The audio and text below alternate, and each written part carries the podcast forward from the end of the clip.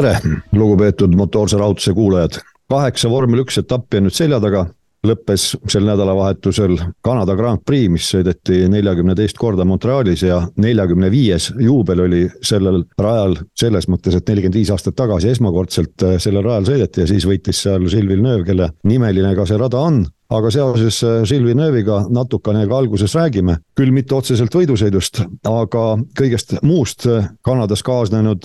sündmustest räägivad minuga, Tarmo Klaariga koos siis Fredi Edvinesse Ameerikamaalt. tervist! Ja Toomas Vabamäe, kellega oleme ühes toas. tere! miks ma selle Villeneuve'i teema üles võtsin, loomulikult sellepärast, et äh, Villeneuve on ühest küljest legend ja minu meelest ta on veel legendaarsem mees kui ta maailmameistrist poeg, kuigi Villeneuve kahjuks mitte kunagi maailmameistritiitlini ei jõudnud, ennem sai ta elu kahjuks otsa traagiliselt, aga sel nädalavahetusel, noh, vahetusel mina ütleksin niimoodi, et püüti nagu äh, natukene sellist skandaali üles tõmmata ja sel hetkel, kui seda püüti, sisuliselt aga vaibus. nimelt reedesel esimesel vabatreeningul tuli Charles Leclerc rajale Gilles Villeneuve'i kiivridisainiga ja sellele pööras tähelepanu ei keegi muu kui Gilles Villeneuve'i poeg, tuhande üheksasaja üheksakümne seitsmenda aasta maailmameister Jacques Villeneuve. ja mis see teema siis oli, teema oli selles, et nende perekonnale kuuluvad kõik Gilles Villeneuve'i, ütleme siis igasuguse reklaammaterjali ja ka kiivridisaini kaubanduslikud õigused. ja mina hakkasin selle peale mõtlema, et sellist asja on ju varemgi tehtud, aga mitte kunagi ei ole minu kõrvu vähemalt jõudnud midagi taolist, et justkui sellest probleem oleks. et kui palju teie sellele teemale üldse tähelepanu pöörasite ja ütlen kohe, et Villeneuve'i perekond suhtus kõigesse väga positiivselt ja mingisugust skandaali ei tekkinudki. otse vastupidi, nad olid väga meelitatud, Leclerc ütles, et tõesti ta ei teadnud, et see kiivridisain on nii-öelda kaubanduslike õigustega kaetud ja kellelgi need õigused on ja ta pidi luba küsima ja noh, midagi pahatahtlikku seal ei olnud. Ütlen ausalt, mina ei jälginud üldse seda, enne kui alles võistluse käigus vist või võistluspäeval enne, enne võistlust tuli see teema ka vupsas kuskilt välja, aga minu jaoks ta jäi täiesti, täiesti kõrvaliseks ja noh, oligi minu selline kistud teema no jah, veidi kehva saadet sellise asjaga alustada, täiesti antiklimaatiline, aga täiesti null teema. lugesin seda mingi pealkirja tasandil kuskilt, hiljem lugesin veel nöövi kommentaare veel asjale juurde ja Declare lihtsalt ei uurinud järe, ei teinud taustatööd piisavalt ja oligi kõik, et noh, ei ole seal minu arust suurt, mille, midagi rääkida aga minu jaoks oli noh, selles mõttes huvitav, et see teema, et taolisi asju on ju varemgi tehtud. on seda teinud Hamilton, on seda teinud äh, Raikkonen ja nüüd selle loo kontekstis siis, äh, mis välja toodi, et omal ajal, kui Lewis Hamilton siis Ayrton Senna kiivridisaini kasutas, siis tema oli küll nii palju teadlik või tal, tal olid head nõustajad, et tema pöördus Senna perekonna poole ja sai selle loa. ja noh, teemat ei tõusetunudki ja seetõttu ilmselgelt seda kunagi ei ole käsitletudki, aga omaette huvitav on see, et noh, mille peale kõik maailmas nii-öelda kaubanduslikke õigusi taotletakse.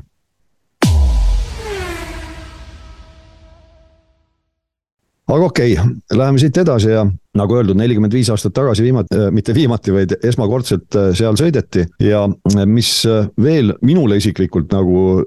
silma torkas ja jälle oli selline positiivne lugu, et ollakse Ameerika mandril ja vormel üks omanikud on ju teatavasti ameeriklased. ja nüüd see reedene päev, kus esimene vabatreening lõppes hästi ruttu ja lõppes seetõttu, et oli tegelikult raja noh, turvakaamerate süsteemi tehniline probleem, ma saan aru. minule imponeeris see, mismoodi see olukord lahendati, selles mõttes positiivselt, et jälgiti reegleid, jälgiti ilmateadet ja kuna sisuliselt esimene vabatreening jäi sõitmata, siis pikendati teist vabatreeningut ja mitte niimoodi, et lisati see pool tundi tahapoole otsa, vaid toodi vabatreeningu algus ettepoole. Ja minu jaoks see on nüüd küll selline ameerikalik positiivne lahendus ja minul isiklikult äh, tuli kohe paralleel kahe tuhande viienda aasta Indianapolise võistlusega. Jah, aga peab muidugi ütlema seda, et äh, see osutus võimalikuks, see varasem, teise treeningu alguse varasemaks tõmbamine. ainult tänu sellele, et autosid kordagi hiljem pärast selle esimese nelja või viie minuti möödumist rajale ei lastud. sest reeglid näevad ette, et esimesel ja teisel vabatreeningul peab kaks ja pool tundi vahet olema ja kui näiteks oleks õnnetuseks juhtunud selline asi, et see kaamerasüsteem oleks õnnestunud näiteks viis minutit enne esimese vabatreeningu lõppu ära parandada ja autod oleks lastud rajale. noh, siis publik oleks saanud pika nina ikkagi, aga ei oleks saanud seda teist vabatreeningut varem alustada. see oli lihtsalt selline probleem, kus need kaamerad ei töötanud ja, ja minu arust lihtsalt vormel ühel peab olema selliseid lisa, lisaplaane või tagavaraplaane, et ei jää see sõit mingi sellise totra asja taha kinni, et tõesti, seal oli ju nädalavahetust läbivalt olid tribüünid rahvast paksult täis ja, ja kui need inimesed on lähedalt ja kaugelt kõik kokku tulnud ja maksavad ilget raha, vormel ühe vaatamine on ikkagi väga-väga kallis lõbu koha peal vaatamine, siis et need inimesed nüüd ilma jätta sellest jah, isegi kui nad said seal pool tundi juurde, tehti vana klassikaline üheksakümmend minutit selleks teiseks vabatreeninguks, siis äh, ikkagi minu jaoks kuidagi väga, väga selline, kes see oli, Alonso ütles, et F1 näeb veidi tobe, jätab endast tobeda mulje veidi niimoodi. Ja minu arust oli täiesti õigus selles mõttes, et äh, peab olema mingid tagavaraplaanid paigas. Ei, ei, ei saa niimoodi, et oi, et mingi kaamera kuskil ei tööta, need turvakaamerad ja siis me ei, me ei saa üldse sõita, et see on väga tobe põhjus jah, selles osas ma olen sinuga täiesti nõus, aga ma saan aru, et see kaamerasüsteem on, oli kohalik, mitte seda, mitte mingi selline, mida vormel üks, kogu see karussell endaga kaasa veab, noh nagu ajavõtusüsteem ju käib igal pool kaasas. aga eks see on jälle niisugune katalüsaator, mis paneb mõtlema, et võib-olla tuleks siis kõik kaasa vedada ise mis on päris komplitseeritud selles mõttes, et võtame sellesama kaamerasüsteemi, rajad on ju nii erinevad, erineva pikkusega ja eh, kui palju sa erinevaid rajalõike, ütleme ühe kaamerapildiga katta saad ja nii edasi. nojah, aga tehakse ju põhimõtteliselt eh, ajavõtusüsteemid, eh, needsamad näiteks need tablood, millega no need nii-öelda elektroonilised lipud, neid ju samamoodi, et kõik see ju käib kaasas, et neid on ka vaja, eri, eri pikkusega rajale on neid ka erinev arv vaja. no täpsustame veel, siis tegu ei ole nende TV-ülekannete kaameratega kaameratega, siis need, nende tegu on nende nii-öelda, nii-öelda turvakaameratega, CCTV-dega, mis on siis nagu lisatagatis veel nendele või varusüsteem selle, nende teleülekannete kaameratele. et me räägime, et siin peaks olema veel tegelikult selle tagavarasüsteemile veel tagavarasüsteem või midagi sellist, nii aga noh, peab olema, kui, kui tähendab, et see sõit võib niimoodi ära jääda. ütleme, oleks juhtunud näiteks pühapäeval, mingi viis minutit enne starti või midagi, mis, mis sa siis teed, kas siis lükatakse ka äh, start edasi või et, et see mingid, mingid ju lahendused peavad sellel olema niimoodi, et see ei täiesti dramaatiliselt ei, ei mõjuta nädalavahetust, sest F, nagu esimene vabatreening on nendest kõigist sessioonidest äh, nädalavahetuse peal ikka kõige väiksema tähtsusega. Jah, aga noh, igasuguseid asju on juhtunud ju, eks ole, me teame, et kui ei saa kopter lendu tõusta näiteks ilma tõttu noh, udu võib olla või, või, või mis iganes või tuul, autod justkui saaksid sõita, kopterlendu ei saa tõusta, kõik autod ei sõida rajal, sest äh, turvalisus ei ole tagatud. Ja huvitav on see, et kui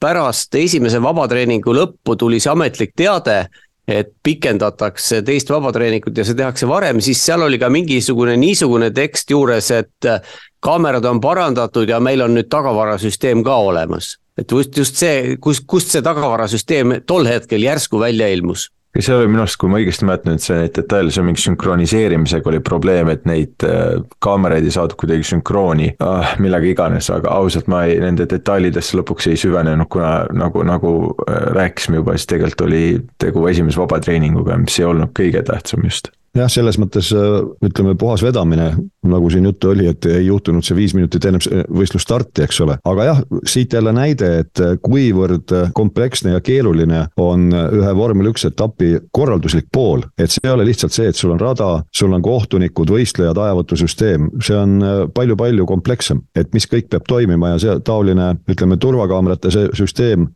see ei ole üksi sellepärast, et peab jälgima, et keegi võõras sisse ei tungi, see, seal võib juhtuda juhtuda mida iganes, mingi suur oks kõva tuulega näiteks kukub alla ja, ja keegi, keegi ei näe seda õigel hetkel. Või äh, ka see metsik loodus, mis võib rajale tungida massiliselt, nagu konkreetselt äh, Kanades seal olid ju. Loomad tee ääres sõna otseses mõttes, loomad elutoas, eks ole, tsiteerides äh, klassikalist Eesti mängufilmi, et kõik sellised asjad peavad olema kontrolli all. jah, ega vormel üks endast seal head muljet ei jätnud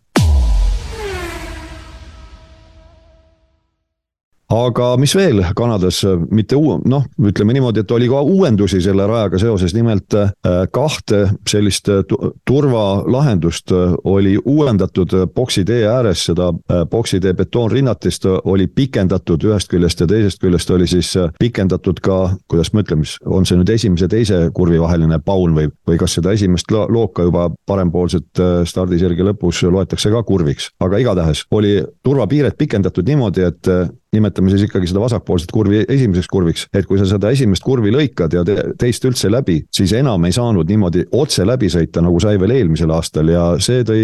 esile noh, ütleme siis võistlejate nuli, nurina, kuivõrd õigustatud see nurin teie meelest oli? noh, vaatame, kus on põhjus, kus on tagajärg, eks ole, rajalt välja ei sõida, pole probleemi minu jaoks oli täiesti tä,, täiesti üllatav jah, et nad sellise, selle, seda, nende barjääri seal pikendasid niimoodi, et enam ei saanud sõitjad normaalselt äh, tagasi äh, võistlusrajale naasta. sest seal, seal oli ka kui, kui sõitjad lõpuks hakkasid häla, hädaldama selle üle ja, ja siis äh, FIA selgitas, et see oli tehtud sellepärast, et kui mõni auto kaotab näiteks kontrolli, siis ta ei, ta ei, need ei lendaks sealt esimesest kurvist läbi äh, üle selle muru või asfaldilataka ja siis selle mõnele autole risti otsa, kes tuleb sealt teisest kurvist välja siis nii-öelda kiirendab kolmanda poole. Ja ka ma hakkasin mõtlema, et nagu, et ma ei mäleta kordagi, et oleks midagi sarnast isegi nagu ligilähedast ohtu olnud, üks aasta oli Perez põrkas kellegiga kokku seal esimesse kurvi minnes, ei mäleta kellega, aga, aga seal ka kõik see, see olemasolev turvaala püüdis nad hästi kinni. ja, ja siis ma hakkasin mõtlema, et aga, et kui on, kui palju sõitjaid nädalavahetuse jooksul laseb selle esimese, noh, pidurdab just liiga hilja või laseb selle pidurduse pikaks ja läheb sealt välja et seda juhtub kogu aeg ja pidevalt, igas sessioonis, igal aastal kogu aeg. Ja, ja siis sealt rajale naasta ja siis keegi sulle risti otsa sõidab, jälle suurendas seda tõenäosust, et minu jaoks jäi see FIA nagu loogika seal, okei okay,, seal oli mingi loogika sellel taga, aga kui hakkasime, hakkasin nagu tõenäosusi mõtlema või selle peale, siis see matemaatika jäi neil täiesti tegemata ja, ja tänu sellele nad ütleme, kui, kui see CCTV värk jäi FOM-i haldusalasse ja vormel üks jättis endast lolli mulje, siis siin puhul äh, FIA tegi vormel ühel ka nagu margi täis sellega, jättis, jättis samamoodi vormel ühest lolli mulje no minu jaoks ka see oli selles mõttes läbi, läbimõte, läbimõtlemata lahendus, et äh, noh, boksitee nii-öelda äh, betoonrinnatise pikendus, see oli kõik okei okay., aga just nimelt see, mis puudutas nüüd äh, seal esimene, teise kurvi vahelise ala turvaala nii-öelda tarastamist betoonplokkidega. see oli ju selles mõttes veel veider, et seal oli kaks asja, mida üks sõitja ka välja tõi, ma ei mäleta enam, kes see oli, et tänu sellele lahendusele nüüd noh, oligi kaks varianti, kas sa siis pidurdasid täitsa hoo maha, ütleme, kui sul see esimene kurv läks pikaks ja pidid tegema tagasipöörde ja sõitma tegelikult vastassuunas natukene aega, mis ei ole reeglitega lubatud, kui tähte närida, üks asi. ja teine asi, üle selle murulapi sõita mis selle betoonpiirde lõpus siis oli, see ei olnud isegi mitte murulapp, see oli nagu mingisugune, ma ei oskagi öelda, selline ökomöko heinamaa. et seal see rohi, kas see oli kunstmuru või mis asi see oli, see oli päris kõrge ja sa pidid üle sellise künka sealt tukerdama rajale ja, ja üsnagi tegelikult trajektoori ette noh, selles mõttes see osa oli jah nagu halb, et ei, ei saanud, ei saanud korralikult rajale tagasi, mina väidan, et see iseenesest see kaalutlus, miks see barjääri pikendus sinna tehti, see oli okei. okay ja see lahendus, mis siis pühapäevaks leiti, et tõmmati seda barjääri nii-öelda ühe järgu või nelja meetri võrra lühemaks, et autod pääseksid sealt otse läbi, ma küll sõidu ajal kordagi ei näinud, et keegi oleks sealt välja sõitnud. siis jah, see oleks, selline lahendus oleks võinud algusest peale olla, et George Russell äh, sõitjate äh, ühingu või, või, liidu esimees äh, või, või president, kuidas teda seal nimetatakse parajasti, jah, ütles, et oleks võinud seda sõitjatega konsulteerida, et selles osas ma olen küll jah nõus temaga, et oleks võinud konsulteerida ja siis ilmselt oleks jäänud see apsakas olemata no igatahes pühapäevaks see olukord sai sellise teistsuguse lahenduse, mis noh, enam-vähem sõitjaid ka rahuldas. aga tuleme nüüd reede juurde, et okei okay,, see esimene vabatreening, noh, kõige nobedamalt said seal kolm ringi sõita, mis tähendas siis seda, et boksist välja üks kiire ring ja, ja siis tulid punased lipud ja, ja boksi tagasi. aga see teine vabatreening, mis valdavalt siis oli ikkagi kuiv minu jaoks äh, andis märku, et äh, sõidust võib tulla põnev, sellepärast et niivõrd-kuivõrd ma suutsin jälgida seal neid äh, pikkade otste sõitmise ringiaegu, siis paistis niimoodi, et jätame Verstappeni kõrvale, tema on nüüd oma, omaette maailmas. aga kõik ülejäänud tundusid üsna võrdses tempos olevat ja, ja see sisendas lootust, et kuna Kanadas niikuinii igasugu asju juhtub, aga kui, kui ollakse veel üsna võrdsete, võrdse võistluskiirusega ka rajal, et võibki tulla põnev võidusõit, kas teie ka sellist asja jälgisite? jah, ja eks me kõik kõik loodame ju kogu aeg, et tuleb äh, põnev võidusõit ja kui me siis äh, erinevaid vastukajasid erinevatelt inimestelt, ma ei tea, ma seekord küll väga ei ole otsinud, aga kas, kas lõpuks ka oli, oli pettunuid palju, noh, mina natukene olin pettunud küll, sest jah, ma lootsin ikkagi oluliselt rohkemat selle, selle esimese treeningu põhjal, noh muidugi jah, Verstappen, tema puhul ei ole jah midagi, küll Alonso ju lubas seal, see oli pärast kvalifikatsiooni küll juba, kui ta lubas kahe sekundi kaugusel püsida, aga noh, jutuks see jäigi. no minul ei olnud mingi ootusi, sest mina olin viis päeva järjest äh, Sierra Nevada metsades äh, sõpradega off-road imas, nii et mina sain alles esmaspäeva pärastlõunal hakata kvalifikatsiooni vaatama ja sealt järele siis veel äh, sõitu, nii et minul kõik emotsioonid mahtusid sellisesse kahe poole, kolme tunni vahemikku, nii et, et ma ei hakka neid parem kommenteerima, sest see juhtus ka seitse tundi tagasi, et minu aja järgi alles esmaspäeva õhtu siin. okei okay,, no aga lähemegi siis kvalifikatsiooni juurde, mis sõideti sellistes äh, vägagi vahelduvates oludes ja mina kohe etteruttavalt ütlen, et äh, minu jaoks äh, noh, muidugi kõvasti sai materdada ka meie suu läbi, siis minu ja Toomase suu läbi seal võistluse käigus. Sainz pigem siis Ferrari läbi Sainzi tegevuse, mis oli omakorda tingitud sellest, et võistkond ei olnud oma ülesannete kõrgusel. et siin tuli nüüd ilmekalt välja selles kvalifikatsioonis, kui suur roll on võistkonnal, kui on sellised olud, kus on märg, kus võistleja ise selja taha väga ei näe ja kus äh, väga palju sõitjaid on korraga rajal ja kõik püüavad äh, ki-, kiirele ringile õigel ajal minna. et äh, minu meelest see Kanada võistlus näitas hästi ilmekalt, kui tõhusalt üks või teine võistkond töötab ja Ferrari oli täielik käpard jah, ega seal oli raske varjata seda, seda sisulist tööd, et see tuli kuidagi välja ja kui noh, Sainz jäi ainuüksi Albonile jäi kaks korda ette ja need mõlemad korrad jõudsid ka žürii eh, arutlusele. võib öelda küll, et Sainz ja, ja Ferrari olid õnnega koos, et sealt karistust ei tulnud. noh, Sainz küll hiljem sai eh, kvalifikatsiooni eest karistada, need kaks esimest Alboniga, need olid siis eh, vabatreeningult veel, kui ma nüüd õigesti mäletan temal läks jah, selles mõttes hästi, aga noh, kas me, kas meil, kas meid paneb imestama, et Ferrari boksimeeskond koperdab? seal isegi, isegi sõidus oli seal jälle Sainz üritas seda taktikat juhtida rohkem ja, ja no Leclerc'iga oli ka hädasid, miks Leclerc üldse Q2-st äh, edasi ei saanud, nii et Fred Vasseur lubas ka, et teisipäeval võetakse see tehases äh, koosolekul jutule kõik see ja vaadatakse üle oma need äh, nii-öelda praktikad ja kõike, mida, mida Ferrari saab teha seal, et, et paremini asju juhtida, aga ma, ma ei, ma ei tea, kui sa oled juba sihuke sund-sant seal, siis ega, ega ma ei tea, ega jo-, lonkamises kohe jooksmisel üle ei lähe, nii et ma ei, ma ei tea, mis, mis ravi neil veel vaja on, et nad lõppude lõpuks pärast, ma ei tea, kümmet aastat rohkem, kui Alonso oli seal juba, Alonso juhtis seda taktikat paremini, kui, kui see tiim oskas. nii et põhimõtteliselt pärast Ross Browni lahkumist pole see tiim midagi asjalikku minu arust suurt suutnud teha, et mis on viisteist aastat siis ma nüüd tahaks natukene vastu vaielda, aga okei okay,, me pidime kvalifikatsioonist rääkima esialgu, mis ma väidan, et oli nädalavahetuse kõige põnevam osa, aga sõidus ju tegelikult Ferrari taktikatiim lõppkokkuvõttes võttis väga head otsused vastu ja kui turvaauto oli rajal, siis kumbagi oma autot sisse ei kutsutud, tänu sellele nad lõpuks nii kõrgele jõudsid. no aga räägime sõidust ära. see läks, see läks, noh, see läks, see läks pihta. jaa, sellega nõus täiesti nõus. aga no, no pime, pime kana leiab ka, et noh, see valim on liiga väike seal, et ühe sõidu järel öelda, kui me võtame sellise üldise trendi, ma räägin sellest trendist pigem, et. et see ja see jah, tõesti, et neil õnnestus, oli ka poolsunnitud neil see taktika poolest, mis neil oli, aga jah aga kvalifikatsioonis tõesti, et ütleme, võtame juba see esimene kvalifikatsioonivoor, et noh, ilmselgelt näiteks Kaslil edasipääsemine äh, läks, kas oligi Saintsi nahka, et äh, see oli selline loto, et sa pidid olema õigel ajal õiges kohas rajal ja no see oli tõeline kunsttükk ja nagu üks vanasõna ütleb, et äh,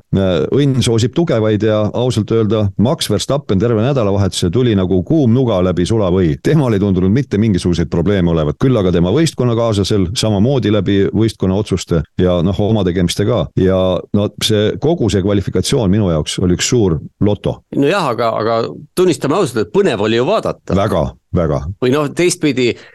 Williams, eks ole, Williams on nagu anti-Ferrari siis selle vähemalt taktika mõttes, et muidugi neil, neil on ka, kuna Williams oli enne Kanada Grand Prix'd oli selgelt punane latern, üksainus äh, punkt ju tiimi peale kogutud, siis loomulikult seal on võimalik riskida, noh Ferrari ei saa riskida, Ferrari peab minema selle peale välja, et noh, mingisuguseidki punkte teenida. Ja kui Williams saatis Alboni teises kvalifikatsioonivoorus kohe algul niiskele rajale slikkidega, siis noh, muidugi see oli risk, et sõitja pidi tulema sealt välja, et ta ei tohtinud eksida, aga samal ajal oli ka aru saada, miks seda tehti, sest rada tõesti kuivas väga kiiresti ja kõik teised, noh, meile küll raadios ei lastud kõiki tiimi, ülejäänud tiime, aga teised tiimid päris kindel, et arutasid, kui sõitjad läksid rajale, siis kohe hakati arutlema selle üle, kas tuleks kohe äh, tulla boksi tagasi ja slikkide üle minna või teha veel mõned ringid. noh, Williamsis ei tekkinud sellist küsimustki, nemad läksid võidu maksimeerimise peale ja läksidki, edukalt läksid selle peale. niikaua kui teised seal oma rehve soojendasid, niikaua olid äh,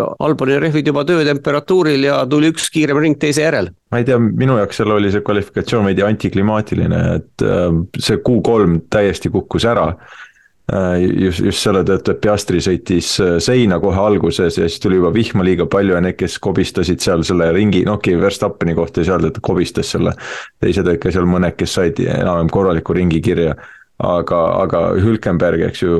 see oli õnne küsimus ja Alonso ka tegelikult seal oleks mis, mis seal oli, mingi kuus sekundit Alonsol puudu, oleks ta olnud äh, Verstappenile mõne kümnendiku lähedusel, võib-olla äkki ees, ei tea. Äh,. aga noh, sõidus ei oleks midagi lugenud, nii et, et see oli väga selline antiklimaatiline ja, ja minu jaoks äh, kaks kolmandikku korralikust kvalifikatsioonist, ma, ma paraku teiega nüüd siin ei nõustu, et see oli nagu just jah, Q1 ja kaks olid ägedad, Q3 oli minu arust täiesti mõttetu, nii et, et ma siin ei nõustu teiega nojah, aga selles osas sa ju nõustud, et kuigi protsess oli igav, siis tulemus oli ju ikkagi huvitav Q3-s. Q3-s tulemus jah okay, midagi, midagi sellist ei olnud. see muidugi on väga, väga tavapärane, aga nojah, et, et Verstappen oli seal jälle, ta ei, ei olnud selles midagi erilist, Hülkenbergi tõsteti tagasi, Alonso sai oma teise koha ikkagi, sealt oli see kaks Mercedest juba jah ei, nagu ei olnud sellist mingit, oh nüüd hoiame peas kinni, mis nüüd, mis nüüd tuleb. on jah, võib-olla või oma standardid liiga, liiga kõrged viimasel ajal olnud, sest kvalifikatsioone vormel ühel see aasta on väga häid olnud. aga ikkagi mina jään ka selle juurde, et äh, siiski, siiski oli põnev ja, ja teisipidi veel kord, et äh, kuna tegemist oli valdavalt sellise loto tulemusega, siis jah, võib öelda, et noh, mis seal siis, et kes sattus olema õigel ajal rajal ja noh, see oli ja et, et tõesti see Äh, Piastri äh, avarii seal, et see rikkus palju ära, aga stardirivi kui selline äh, tekitas intriige ikkagi, tõsi. seal tõsteti hulk inimesi ringi. Nico Hülkenbergi puhul näiteks oli päris huvitav karistus, et tema ei takistanud kedagi, tema tõsteti ka kolm kohta tahapoole, aga siis sellepärast, et ta sõitis punase lipu ajal liiga kiiresti ja ma lugesin takkajärgi seda äh, vestlust äh, Hülkenbergi ja tema võistlusinseneri vahel ja no vot see oli nüüd minu jaoks vormel üks kantseliidi selline äh, kõrgpilotaaž. kuidas ei suuda võistlusinsener lihtsale küsimusele, mida Hülkenberg küsis, sisuliselt Hülkenberg küsis, et kas ma sõidan õige kiirusega ja kui raske on vastata, võta hoog maha. seal tuli mingi selline tiraad, et tõesti oli raske aru saada, et mida see Hülkenberg, vaene mees nüüd tegema peab nojah, eks Haasil äh, nähtavasti on ka siis ikkagi vaja sellist äh, tõhusat kommunikatsiooni õppida, et insener ei tohi jah, nagu sa ütlesidki, et peabki sõitjale konkreetseid vastuseid andma, jah või ei. kui me vaatame, kuidas need, kasvõi see karistus, kuidas oli äh, formuleeritud, siis noh, see on ka niisugune, et sa pead tükk aega kukalt sügama, et mida nad siis nüüd õigesti öelda tahtsid. selle asemel, et sõitis liiga kiiresti, selle asemel oli suutmatus äh, jääda alla miinimumaja või midagi ja. sellist on see formuleering. ja täpselt nii ongi jah suutmatus jääda alla FIA poolt kehtestatud miinimumaja äh, punase lipu all ma ei, ma ei tea, võib-olla see on lihtsalt minu selline hetkeolek, mis seal vahet on. mis seal vahet on, mida Haas laupäeval teeb, nad võivad üks-kaks ka olla kvalifikatsioonis, sõidus nad kukuvad ikka vähemalt viieteistkümnendaks või tahapoole, nii et sellel ei ole mingit mõtet lõppu, kui te mõtlete, lõppu, lõppkokkuvõttes. kusjuures Fredi, et eh, noh, sa oled kuidagi väga, sul ei läinud hästi vist või nädalavahetus, mul on sihuke tunne. ei, mul on väga, ma olen just välja puhanud ja lihtsalt ma, ma vaatasin seda Haasi ka, mis seal sõidus toimub ja no hoia peas kinni, et kui noh, kui nad niigi neil kukub see sõit ära ja siis veel satuvad nagu Magnusseni juurde ka jõuame, siis satub veel sekeldustesse ja no lihtsalt aga, ei, ei, selline, ei, aga lihtsalt selline nagu häda nagu punt lihtsalt koos need, et ei suuda mitte midagi nagu sellest välja tulla, et, et see on, on, on nagu jah, raske vaadata seda. kusjuures neil oli ilmselt endal ka raske vaadata, sellepärast et ütleme nii, et Günter Steiner oli sinuga samas paadis meelsuse poolest, sest kui küsiti Steineri käest pärast seda, kui äh, Hülkenberg oli selle pluss kolm kohta saanud, et äh, mis ta sellest asjast arvab, siis äh, noh, ma ei ole sõna-sõnalt seda pähe õppinud, aga vastuse mõte oli selline Günter Steinerilt, et ega võistlusel see meie lõpptulemust ei mõjuta. jah, stardikoht ei mõjuta lõpptulemust, et see on muidugi väga niisugune tõsine, tõsine tunnustus, aga, aga tõsine tõdemus, et seal on asjad ikka väga viltu ja see auto noh, nagu me oleme eelmistelgi paljudel, paljudel etappidel nüüd juba näinud, et see lihtsalt õgib neid rehve niisuguse pöörase tempoga aga hakkame tulema siis vaikselt selle võidusõidu juurde, mis pühapäeval toimus, esikohalt startis Max Verstappen, teiselt Alonso, kolmandalt Hamilton, neljas oli Russell, stardis viies Nico Hülkenberg, kuues Esteban Ocon, seitsmes Norris, kaheksas Piastri, kaks McLarenit järjest siis. üheksas, nüüd pange tähele, kes meid kuulab, ei vaadanud sõitu, üheksanda platsi peal startis Alexander Albon Williamsiga ja Ferrari'd olid siis järjest kümnes, üheteistkümnes ja kaheteistkümnes Sergio Perez. nüüd äh, sõit läks lahti ja noh, mul nüüd ei ole seda käsikirja ees, et äh, ühel hetkel hakkas ka midagi seal toimuma ja kõige esimene, kes boksi tuli muidugi, oligi siis äh, Hülkenberg, kes kusjuures ma pean ütlema seda, et takkajärgi ka mul on selline mulje, et see Montreali rada on nüüd selline ja ka Monaco ilmselgelt, mis soodustab aeglasema auto, autoga startinud võistleja sellist agressiivsust, kui ta stardib plats on tavalisest eespool, sellepärast et ta teab, et äh, need kiiremad ei pruugi nii palju riskida kui tavaringrajal. näiteks Barcelonas sul on esiteks stardifiniši sirge on ülipikk, lai nagu lennuväli, turvaalad on suured, kui midagi läheb äh, natukene viltu, siis sul on võimalik kas korrigeerida või, või äh, sa võid noh, ütleme suhteliselt kindel olla, et esimese eksimuse peale sa ei lõpeta betoonis. Montrealis on lugu teine, et need kiired, kes, kes sul on selja taga, ei pruugi sugugi nii kindlad olla, et need, kes tal ees sõidavad, mõtlevadki niimoodi, et aa, minu taga on Perez, ütleme niimoodi, et Hülkenberg mõtleb, et tema on Haasiga, niikuinii ta on oluliselt aeglasem, mina ei hakka selle Perezega võitlema. Montrealis minu meelest sellist meelsust ühelgi sõitjal ei tundunud olevat või kuidas? no kui Hülkenberg konkreetselt kaotas kohe stardiga ühe koha ja, ja siis hakati tast minema mööda vasakult, paremalt ja keskelt, et tema puhul see nagu väga paika ei pidanud, aga noh, selles mõttes jah, et seal on keeruline on mööda sõita ja eriti nägime me seda ju viimase kolmekümne ringi jooksul. riskima keegi väga ei kippunud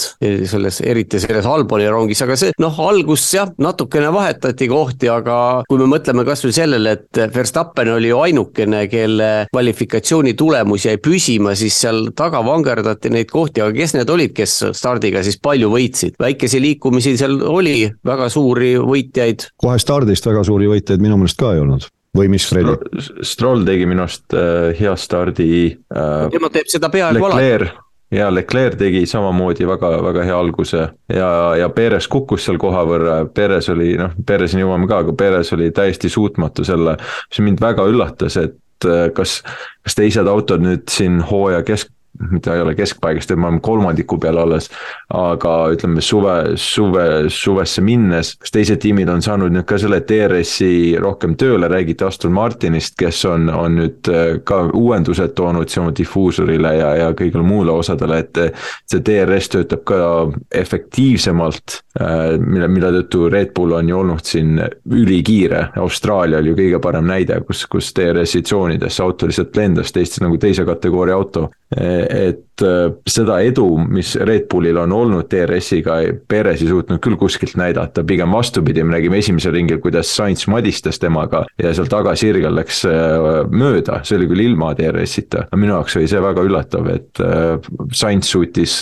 Perezist mööda panna. siin ma olen sinuga täiesti nõus, et mina just mõtlesin, et kui Perez nii tagant stardib ja Red Bull seni on näidanud, et DRS-iga nad on ülivõimsad, pikkadel sirgetel just, siis kus veel siis oma võimu ja väge näidata kui mitte Montreali tagasirgel. see on ju ülipikk tõesti ja ei tulnud seda võimsust välja aga alustame otsast tegelikult riburada pidi, et siin on olnud väited, et Max Verstappeni võit nüüd Fernando Alonso ees üheksa ja pool sekundit ei olnudki nii mäe, mäekõrgune, et kas see nüüd peaks tähendama seda, et teised on järgi jõudnud. mina väidan, et ei, ei, see ei tähenda seda, lihtsalt kõik on Verstappenil, ütleme tiim Verstappenil on lihtsalt kõik kontrolli all jah, see tundub tõepärane, sest kui nüüd vaadata, kuidas Verstappeni edu lähimate jälitajate ees seal alguses kasvama hakkas, siis ta hoidis mõnda aega sõidu alguses, tegi kohe vahe sisse DRS-iga ei olnud mingit lootustki kellelgi ja siis hoidis niisugust kolm pool, neli sekundit, tükk aega, tükk aega see vahe ju püsis ja noh, selgelt, et jäi mulje, et ta võiks kiiremini sõita ja noh, kvalifikatsioon meile ju ütles, et ta kindlasti oleks võinud seda, aga ta lihtsalt hoidis, mis iganes see põhjus oli, no ei olnud, põhjus tegelikult oli väga lihtne, ei olnud põhjust kiiremini sõita. Ja vahe püsis sellisena, et kui peaks ka tekkima kellelgi mõte, et äh, tagapoolelt undercut teha, siis noh, see kolm, kolm pool sekundit automaatselt on juba niisugune mahe, vahe, mis põhimõtteliselt selle välistab minu arust see oli selline äh, representatiivne näide sellest vahest, sest Alonsol oli see, see nii-öelda probleem, sensori probleem äh,, mistõttu tal kästi see äh, lift and coast'i äh, teha, aga samas ka Verstappen võttis rahulikult, nii et, et see kümme sekundit, üheksa pool, mis lõpus finišijoonel oli, noh, see oli üsnagi, üsnagi tõepärane, ma arvan, et kui nad oleks Verstappen oleks võinud võib-olla veidi rohkem vahe teha, aga Alonso oleks ka saanud kiiremini, kui tal ei oleks seda pseudoprobleemi olnud. Um, ei, ei ole nagu selline, ei ole nii keeruline rada see, kus sellised nagu ütleme, Barcelona on, kus on, on palju siis nagu tehnilisemat poolt äh, selle rajasõidus siis, et, et see tekitaks rohkem autode juures nagu vahesid sisse. Äh, selle tõttu ma arvan, et see selline rajale omapärane tulemus ja, ja me natukene, ma õigustan ennast siin ka vaadates, kuidas Mercedes ei olnud jälle nagu kiiruselt teine, eks me rääkisime eelmises Hispaania Grand Prix järgses saates, kuidas, kas nüüd Mercedes on, on oma uuendustega Red Bullile lähemale tulnud või on lihtsalt see rajaspetsiifiline eripära, siis ma, ma pigem kaldun ikkagi arvama, et see oli rajaspetsiifiline eripära seal ja, ja nüüd sel rajal Mercedes ikkagi ei olnud kiiruselt teine auto, nagu just, justkui äh, Hispaanias tundus, et aga noh, Mercedesini kõvasti jõuame veel siin lähemalt ka rääkida nende seiklustest. aga võtame siis järgmise, et äh, Alonso seal pusis Lewis Hamiltoniga ja lõpuks oli tal edumaa natuke üle nelja sekundi Hamiltoni ees, aga äh, Alonso, ütleme minu jaoks on täielikult äh, selline ümberkehastunud positiivsuse kehastus vormel ühes. et täiesti hämmastav, et kuidas ta allub võistkonna korraldustele kuidas ta noh, vähemalt äh, ütleme eetris või, või otsepildis äh, suhtleb oma konkurentidega, oma võistkonnakaaslasega. täiesti teine mees võrreldes sellega, mis ta oli varasematel aastatel ja sealjuures tulemused tulevad. üliõnnelik on, annab nõu, noh, seda nõu, nõuandeid küll liiga palju meile ei antud, aga nagu seal pühapäevalgi oli, et äh, kui tal kästi seda lift and coast'i teha, siis äh, ega ta väga ei vaielnud, vähemalt meieni see raadioside kaudu ei jõudnud, et ta oleks kuidagi hakanud äh, väitlema seal võistkonnaga, mitte midagi. Ja, ja võistluse järgses intervjuus ta ütles ka, et noh, tegin, mis kästi. eks ta ole, et eks seisukoht ikka sõltub istekohast ja noh, Aston Martiniga muidugi saada teisi ja kolmandaid kohti, see on hoopis midagi muud, kui saada teisi ja kolmandaid kohti Ferrari'ga, et kui me vaatame seda trendi jälle, siis noh, Aston Martin on selgelt tõusutrendil ja, ja kellele ei meeldiks selline olukord, kui sul läheb järjest hästi või läheb järjest paremini paremini, noh Ferrari'ga mõtleme, kui Alonso oli või, või äh, ka Alpiiniga eelmisel aastal, siis seal ei olnud ju sellist trendi, et oleks järjest paremini minema hakanud, kogu aeg käis mingi niisugune noh, kohati nagu tundus, et läheb paremaks, aga siis selgus, alati praktiliselt selgus, et ei, et see oli jälle niisugune tunneli lõpus paistev valgus osutus hoopiski vastutulevaks kaubarongiks, et kogu aeg oli selline asi, Aston Martinis ei ole, seal ongi kõik selline, elu lähebki paremaks ja noh, eks kõik need vastastikku niimoodi mõjuvad, et eh, üksteist innustavad ja, ja tundub, et Alonso tõesti on, on võtnud tuld. Alonso lisaks on nelikümmend üks, saab kohe nelikümmend kaks, ta on oluline, noh, selg-, selgelt on, ta on vanemaks saanud, ta ei ole enam kakskümmend kuus, kui ta McLarenis oli Hamiltoniga, eks ju, et ta ikkagi väga palju aastaid on vahele jäänud, väga palju vett on merre voolanud selle ajaga ja, ja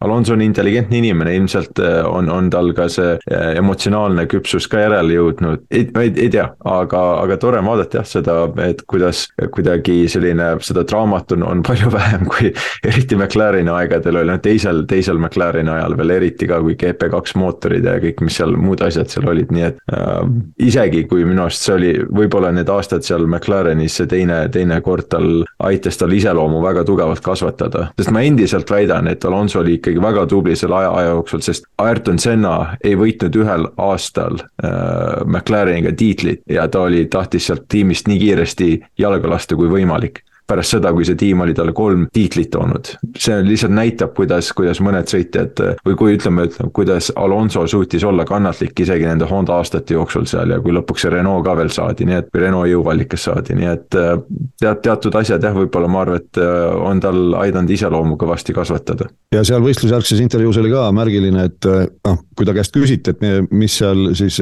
viga oli, siis ta ütles, ma ei tea, võistkond ei öelnud mulle ja nüüd mina jõuan selleni siis, et võistkond talle ei öelnud öelnud, aga spekuleeris siis äh, Mercedes, nii et äh, jälgitakse ju tegelikult seal vormel üks võistkondades oma konkurente väga tähelepanelikult ja kaasa arvatud nende raadiosidet. ja sellest raadiosidest lähtuvalt siis nähtavasti äh, Mercedese insenerid tegid järeldusi, mille peale pärast võistlust omakorda Aston Martini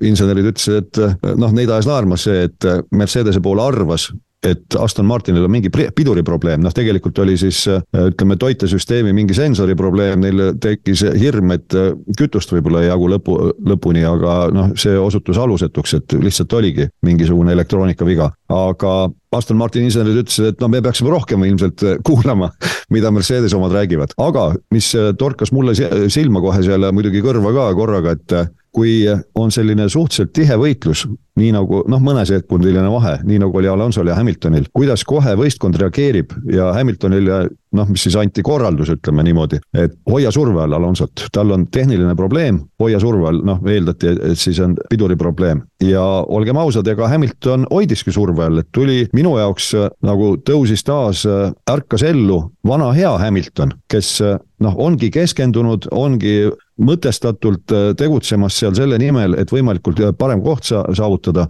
mida ta, ma väidan, eriti eelmisel aastal ei olnud selle kehva autoga. Jah, siin võib ju paralleele tõmmata Alonsoga, et äh, Hamilton on küll samas tiimis ja, ja samad inimesed on tema ümber, kes on olnud juba väga kaua aega, kümnes hooaeg ju läheb tal, üheteistkümnes hooaeg seal tiimis isegi juba, kümme,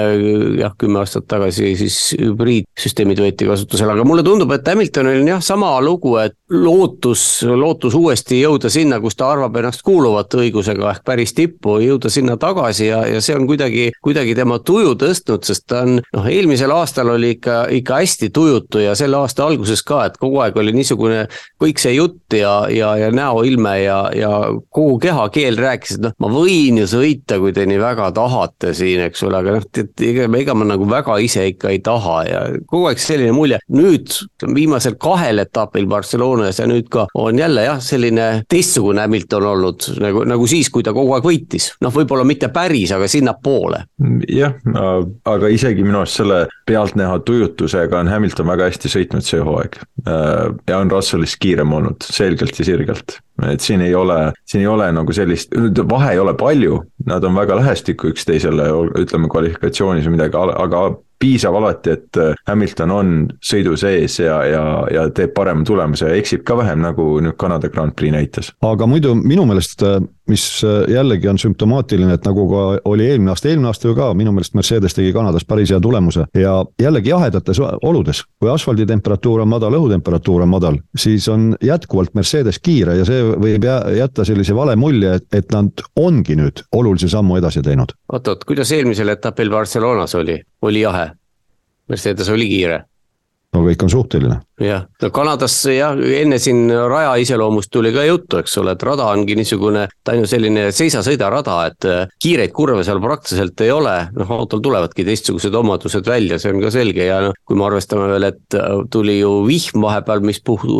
pühkis kogu selle rajale sõidetud kummikihi maha, siis noh, jälle võta sa kinni, mis, mis omadused nüüd tegelikult seal mõjule pääsesid. Ja, ja kes oskas neid olude muutumist ette näha, sest kui autod ju lähevad kinnise pargi režiimi, siis muuta midagi enam kvalifikatsiooni ja sõidu vahel ju ei saa. no siin näiteks äh, Mercedese kasuks, mis ma ütlen, et äh, ma olen ise seda rääkinud kogu aeg ja rõhutanud, et on väike vale, suur vale ja statistika, aga selle võistluse sees ka, kui noh, ühes portaalis võetakse kokku seal võistluse sees kümme, kümne parima ringi keskmine ringiaeg, siis äh, selle kümne pare, parima ringi keskmise osas kuus võistlejat olid vähem kui null koma kolm, kolme sekundi sees ja neist kiireim oli Hamilton. ja kes sinna sisse kuulusid, olid siis Hamilton, Verstappen, Alonso, mõlemad Ferrari'd ja ka Perez, nii et nemad kuuekesi olid teistel selgelt eest ära. Ja noh, see viitab, et vähemalt nendes oludes, vastavalt siis Aston Martin Alonso käes, eks ole, äh, on, on kiired. Ja noh, Russellist rääkides minu meelest tundub ka, et nüüd, kus äh, ilmselt on samm edasi tehtud auto arendamises ja, ja positiivses suunas, äh, noh, seda edasi saabki ilmselt positiivses suunas olla, siis Hamiltoni motivatsioon on selgelt tõusnud. Ja see näitab, milleks ta nüüd on, on suuteline, kui eelmisel aastal oli Hamilton tujutu ja tohutult motiveeritud oli Russell, sellepärast et ta oligi parem äh, tulemuste poolest ja rajal äh, sõites ka selgelt oli, oli parem minu meelest kui Hamilton, siis nüüd, kus Hamilton on jälle motiveeritud, kangutaks Russell nagu rohkem ja noh, nagu see seinasõit siin äh, Montrealis oli, see oli selge ülepingutus ju, see ei olnud ju mingi selline sunnitud olukord, see oli täiesti sundimatu viga Russelli poolt ja neid ta on nüüd tõesti sel hooajal teinud jah, Hamiltoni puhul muidugi on autode mitte ainult motivatsioon, aga see on vana lugu, et kui Hamiltonil auto hästi ei klapi, see on olnud tal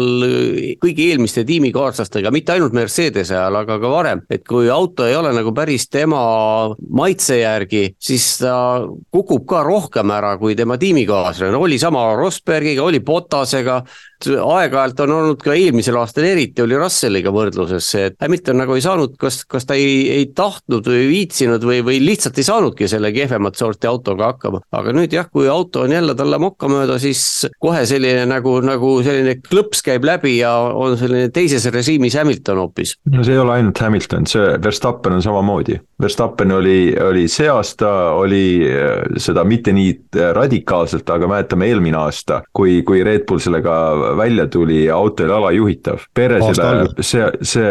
see auto sobis palju paremini ja Peres oli suhteliselt palju paremas konkurentsivõimes Verstappeniga. ja, ja Verstappen ei suutnud selle autoga nii, nii kiiresti sõita, kui ta ole, kui tema täispotentsiaal oleks olnud. ja, ja nüüd see auto arenduskäiga, see kõik kulgeb ikkagi lõpuks ju Verstappeni suunas ja sealt lihtsalt see on ka tulnud, et Verstappenil on nii palju äh, kuidas öelda, nii palju kiirust ja eriti võrreldes, me oleme eelmises saates ka rääkisime, kuidas Perez on lihtsalt teises klassis äh, võrreldes Verstappeniga, kuigi neil sama auto on. nii et, et Hamilton minu arust liigitub selle kategooria alla samamoodi, ainukene minu arust, kes tõesti välja paistab nendest, on, on Alonso, kellele sa võid anda ala üle keskmise, mis iganes juhitavusega auto, nel-, nelikveolise auto, Alonso suudab peaaegu iga asjaga nii kiiresti sõita, kui see, kui see asi võimeline on aga muuseas, kui äh, vaadata nüüd seda, et äh, kuidas tulemused tänavu on kujunenud just nimelt äh, Red Bullis, et siis kas mulle tundub, et pärast neljandat etappi ehk enne Miami etappi või, või äärmisel juhul pärast Miami etappi on, kas Red Bullis on ka autol on mingisugune suur muudatus tehtud, sest kui veel nelja esimese etapi järel Perez oli ju, oli võitude arv oli võrdne Verstappeniga, kaks, kaks, kaks oli seis ja punkti vahe vist, kui ma õigesti mäletan, oli kuus punkti. noh, Miami's veel Perez võitis kvalifikatsiooni ja oli võidusõidus teine, aga pärast seda kukkus täiesti ära, et kas siis Red Bull tegi nüüd auto juures mingisuguse niisuguse muudatuse jälle, mis on Verstappenile aga veele järele, aga Perez ei saa selle sellega hakkama, sest Perezi punktisumma viimaselt neljalt etapilt on väiksem kui näiteks Alonsol, mis ei pane väga üllatama, aga väiksem ka kui näiteks Hamiltonil. no midagi sellest ilmselt on jah, midagi tehnilist seal.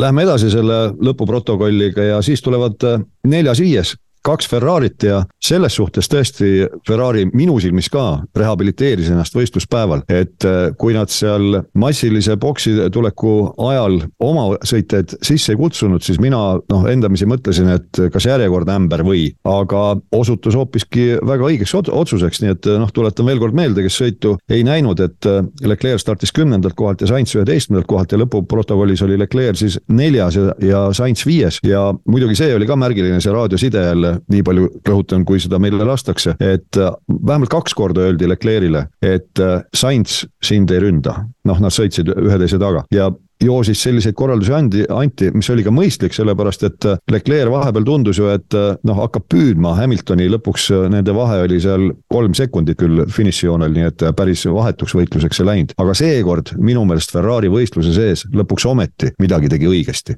jah, õigesti tegi, aga nüüd vahe Hamiltoniga ei olnud tõesti lõpuks kuigi suur, aga mulle tundub, et Ferrari läkski nagu selle, selle peale teadlikult välja, eriti kui sa stardid kümnendalt, üheteistkümnendalt kohalt, siis ega mingisuguseid suuri šansse ei saa saanud ju seal olla, et isegi tulid neljas-viies, noh, see pidi absoluutne maksimum olema, ma kahtlen, kas nad üldse isegi lootsid, sest pigem, pigem kalkuleerides võisid arvestada, et Perez maandub lõpuks ikkagi nende ette, noh, mis oleks olnud loogiline. mine võta kinni jah, mille, millega nad seal arvestasid, aga, aga vahet ei ole, igatahes tegid nad seda hästi. samas kuskilt ei paistnud, kui me mõtleme teleülekandes ka, siis Ferrari'd olid ikka praktiliselt niimoodi harva sattusid sinna pilti, ega midagi ju hiilata ei olnud, omavahel seal sõitsid, nad isegi ei pusinud omavahel, vahetevahel sattusid lihtsalt ühte pilti kokku ainult. ja minu jaoks ka see äh, tulemus Ferrari'l esiteks ei olnud suurepärane, see sellepärast, et nad on endiselt selgelt äh, neljast äh, nagu võistkond kiiruse poolest, neil on neljas auto kiiruse poolest, sest Mercedesed ja, ja noh, ütleme Aston Martin on, on selgelt ees äh, ja Red Bull ka selles mõttes mina, Ferrari ei ole mitte midagi hõigata, asi on tegelikult päris masendav nende jaoks, kui nii võtta. Äh, lisaks paneme siia fakti juurde, et Kanada rada on väga eripärane just sellega, et tal on, on need lihtsalt sellised äh, ütleme, pikk, pikkade sirgete vahel on šikaanid, ei ole selliseid pikki voolavaid kurve, mis on nagu näiteks Barcelonas on, kus nad kohutavalt esinesid. ja, ja mis tulevad näiteks ka nüüd äh, varsti on Suurbritannia etapp ja, ja selliselt etapilt ka ma ei, ma jälle ei eelda, et mitte midagi Ferrari'lt, nii et ma ei näe sellist mingit hullu positiivsust selle Ferrari tulemusega ega nende väljavaadete üle. et ma ei, ma ei, jah, mina küll siin millegi rõõmust ei hüppa ja vaadata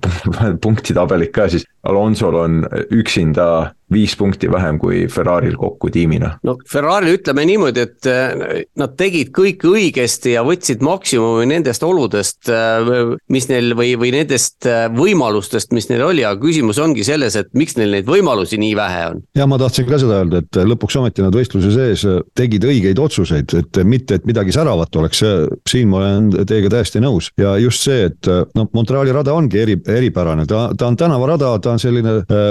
pidurdav, kiirendav rada ja ülipika tagasirgega ja sellega seoses äh, minule jällegi torkas silma, äh, kui palju Ferrari hüples seal tagasirge lõpus just, et äh, seda oli aeg-ajalt oli päris valus vaadata tegelikult, kusjuures huvitav, et sõitjad selle üle, no vähemalt eetrisse ei lastud, et oleks kurtnud, aga see oli silmatorkav, see hüplemine jah, teistega võrreldes pigem jah, aga no ma ei tea, ega see Kanada rada nüüd üleliia tasane muidugi ka ei ole. aga järgmine mees, Sergio Perez ja, ja siin tõesti nüüd mina ütleme niimoodi, no olin natukene skeptiline lähtuvalt äh, selle hooaja tema tegemistest ja just torkas silma see minule ka, et noh, võib-olla seal oli kaks asja koos, et konkurendid on oma autod nii-öelda libedamaks saanud läbi õhu sõitmisel otse ja teine asi, et Perez ei olnud piisavalt piisavalt otsustav, sellepärast et see tema edenemine sealt äh, stardiplatsilt kaheteistkümnendalt, no see ei olnud nii võimas ja veenev ja jõuline, kui oleks pidanud Red Bulli roolis oleval sõitjal olema, minu meelest. Kindlasti mitte, kui me mõtleme, et tal oli sama auto nagu Verstappenil, heakene küll, ega Verstappeni edu ju alguses ei kasvanud ka peadpööritavalt, aga just needsamad esimesed momendid esimestel ringidel, kui ta seal Saintsiga puseles, mis mõttes Saints läheb mööda Perezist, lihtsalt niisama ja ilma DRS-ita ka veel. just, et sellist asja ei tohiks lihtsalt juhtuda, ma ei, ma ei tea, mis, no üks selgitus on muidugi see, mis on kogu aeg sellel Red Bulli autol olnud eripära, et seal rehvid aeglaselt soojenevad tal. teistel autodel lähevad need mõnevõrra kiiremini. tal olid ka ju pehmed rehvid Sainzil versus äh, Perezi kõvad rehvid, et, et see tõesti see, noh, see ütleme, seobki selle rehvide soojendamisega ka, et sul on ainult üks soojendusring ju sealt äh, boksi teelt või no stardi, stardirivist äh, enne kui stardiks rivistud, nii et äh, see oli ka ilmselt tegur selle juures, et äh, lihtsalt sealt nõelasilmast välja süst-, süstides äh, Sainz sai parema pidamisega minema kui, kui Perez oma kõvade rehvidega. oota, kas nad mitte ei olnud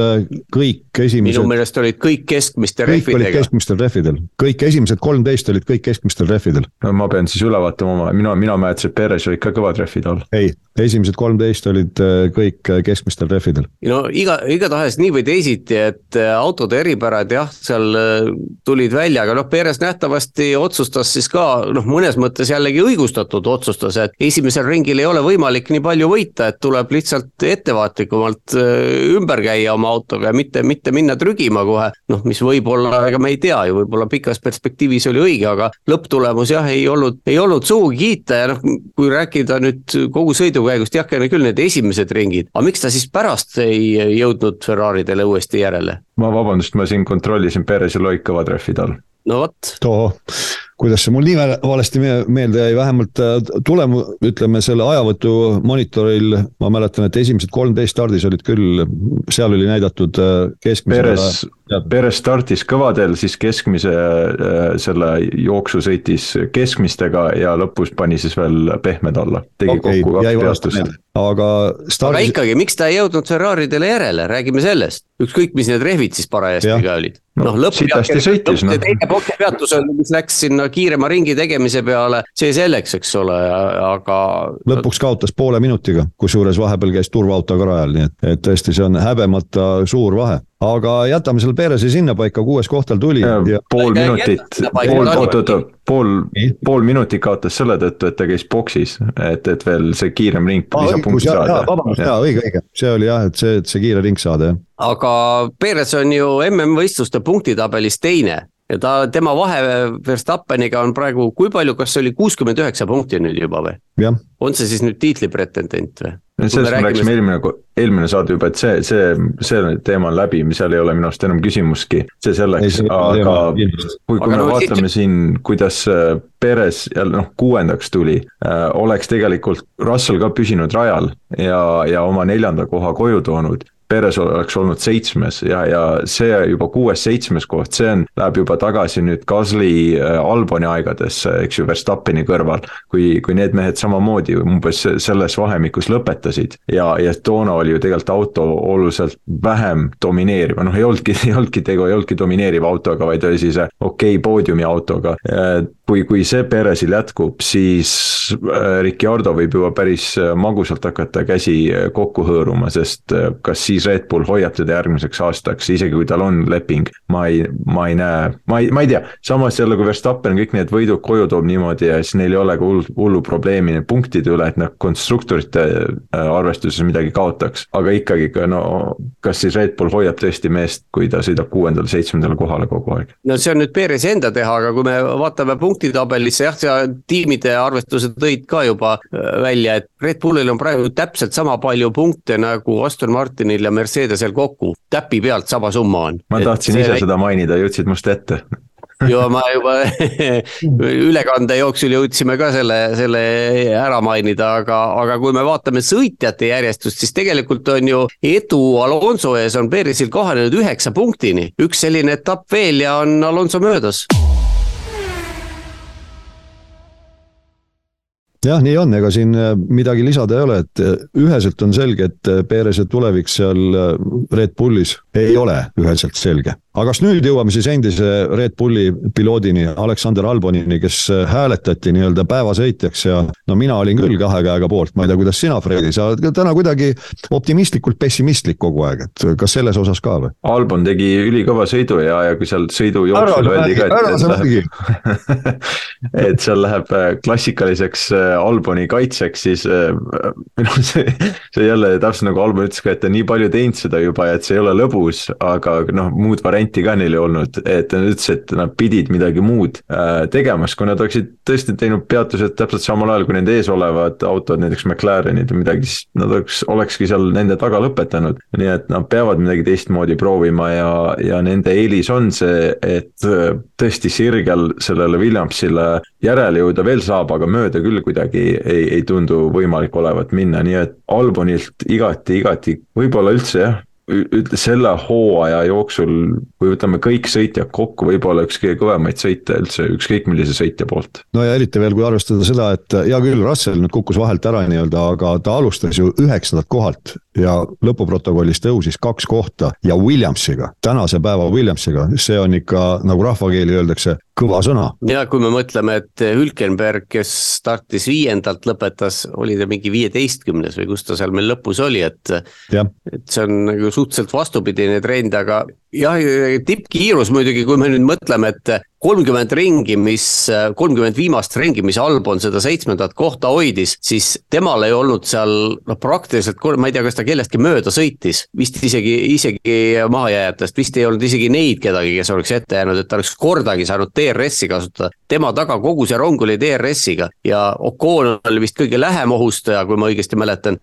Ocon kogu selle kolme, no meile ei näidatud jälle muidugi kogu aeg, aga no vast kaks korda oli niisuguseid olukordi, kus Ocon tuli tuli tuulevarjust välja ja Albon pidi kurve minekuks natukene teistsugust trajektoori kasutama. tal ei olnud isegi mingisugust ohupoega ei paistnud tagantpoolt. kusjuures ta selles äh, rongis vedurina oli kõige vanemate rehvidega, tal olid kõige kauem all olnud rehvid ja ta suutis seda äh, positsiooni hoida lõpuni, et see oli tõesti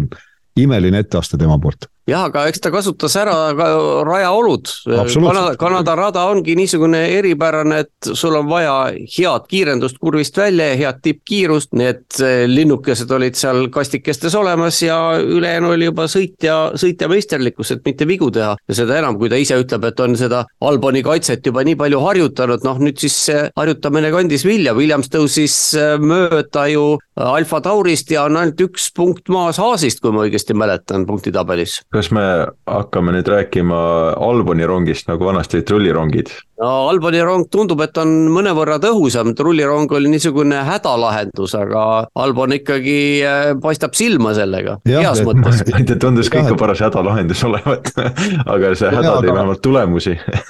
jaa, aga trullil oli, ütleme ikkagi kiire auto istumise all, Albonil on aeglane auto istumise all jah, see on suur vahe. just, aga nüüd jõuame selleni,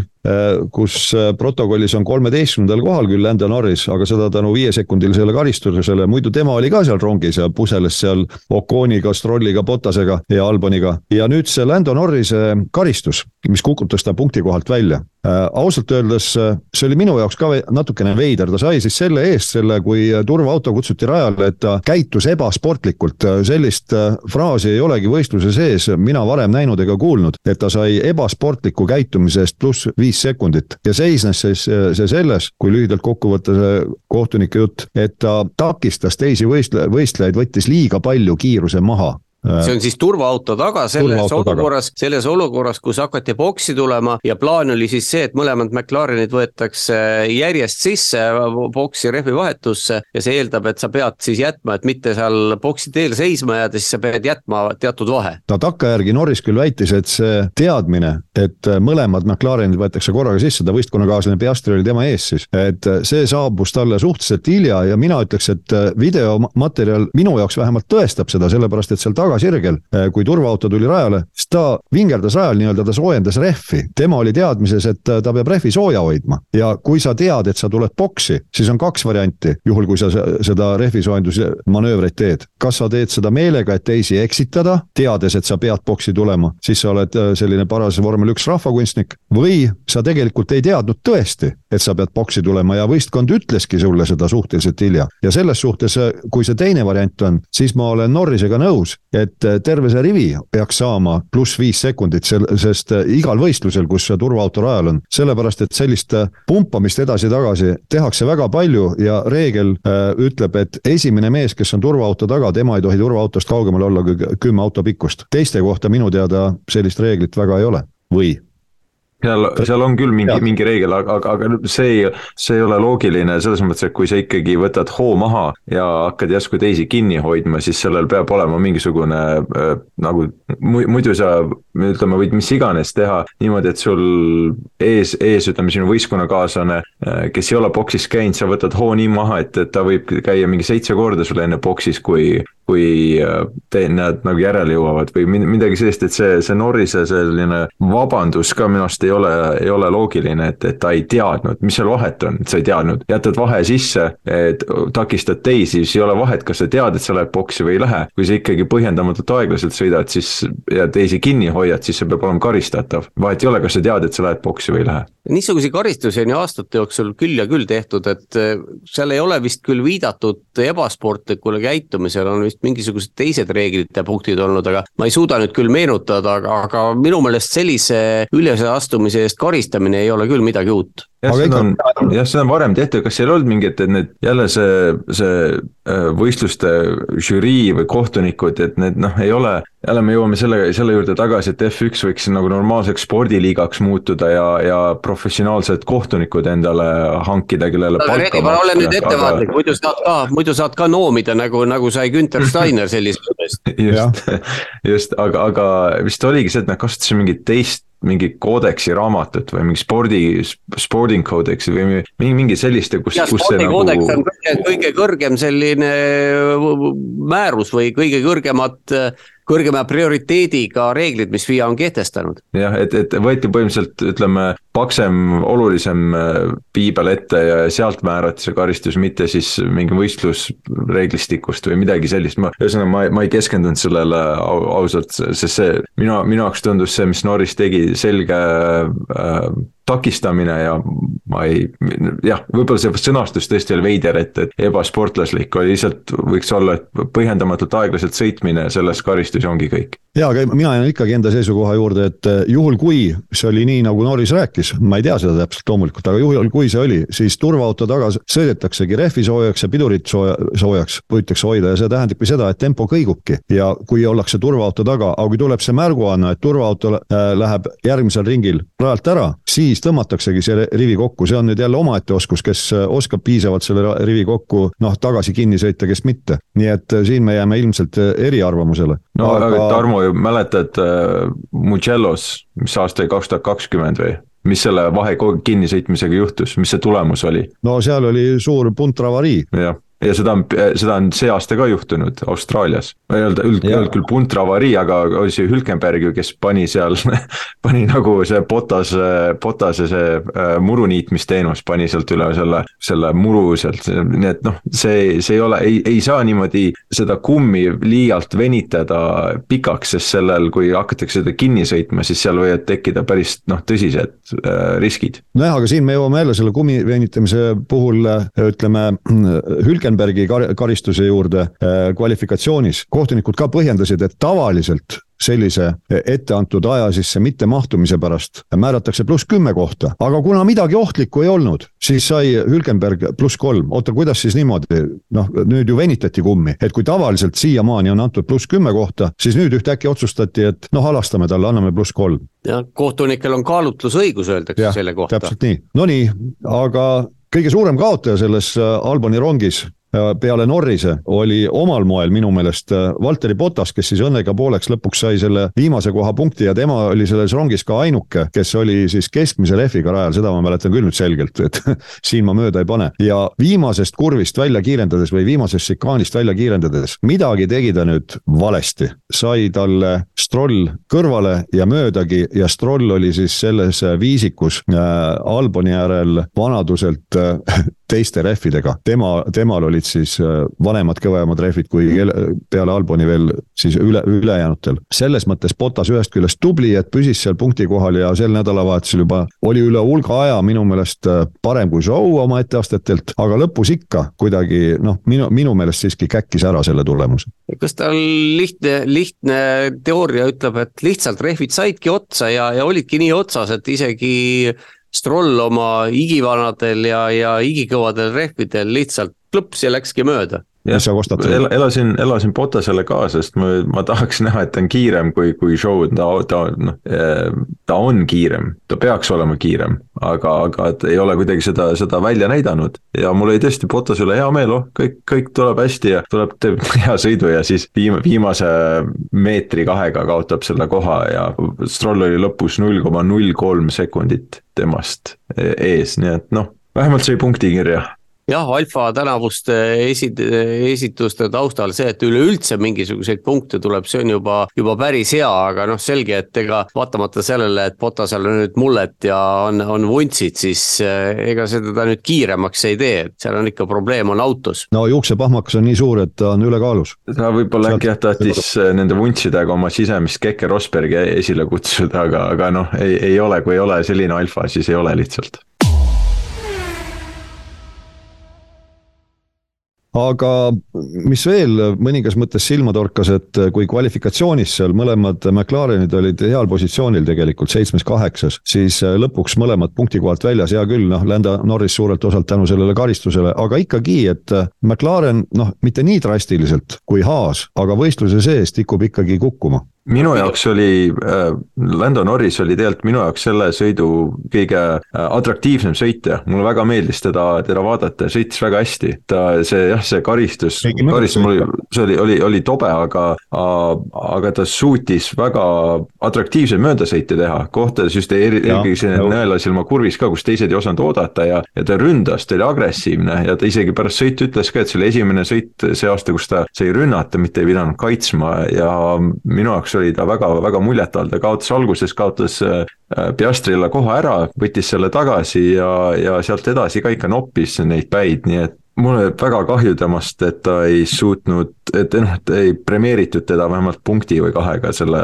kõva sõidu eest, mis ta tegi aga ma saan aru, et teil ei ole sellist muljet, et võistluse sees üldiselt ikkagi, et McLarenil kas siis taktikaliselt midagi päriselt ei klapi või et noh, see võistlustempo ei, ei ole piisavalt kõrge võrreldes kvalifikatsiooni tulemusega? on küll, see on täiesti selge trend ju, on paljudel etappidel olnud, aga noh, seekord pigem oli, oli ma isegi ei ole niimoodi täpsemalt nüüd sõrmega järgi ajanud, aga, aga tundub, et noh, rääkimata sellest karistusest. kuidas nad siis ikkagi jah, nii kaugele stardirivis sinna taha sattusid, taktikaliselt läks siis ka midagi väga nihu järelikult. ja mina pole ka seda nüüd analüüsinud äh, selle lühikese aja jooksul pärast, pärast etappi, aga sina, Fredi, noh, sellise kõrvaltvaatajana kas sulle on midagi äkki silma torganud või? McLarenil põhihäda on ikkagi jah see, et nad ei saa nende rehvidega kuidagi sõidus läbitud niimoodi, et nad äh, suudaks kiirust ja samal ajal ka säästlikkust ette näidata ja